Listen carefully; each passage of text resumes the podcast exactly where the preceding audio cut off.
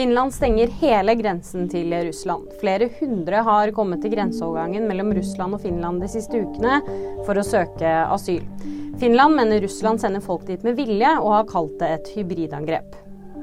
Bjørnar Moxnes sin sykemelding forlenges frem til 9.1 neste år.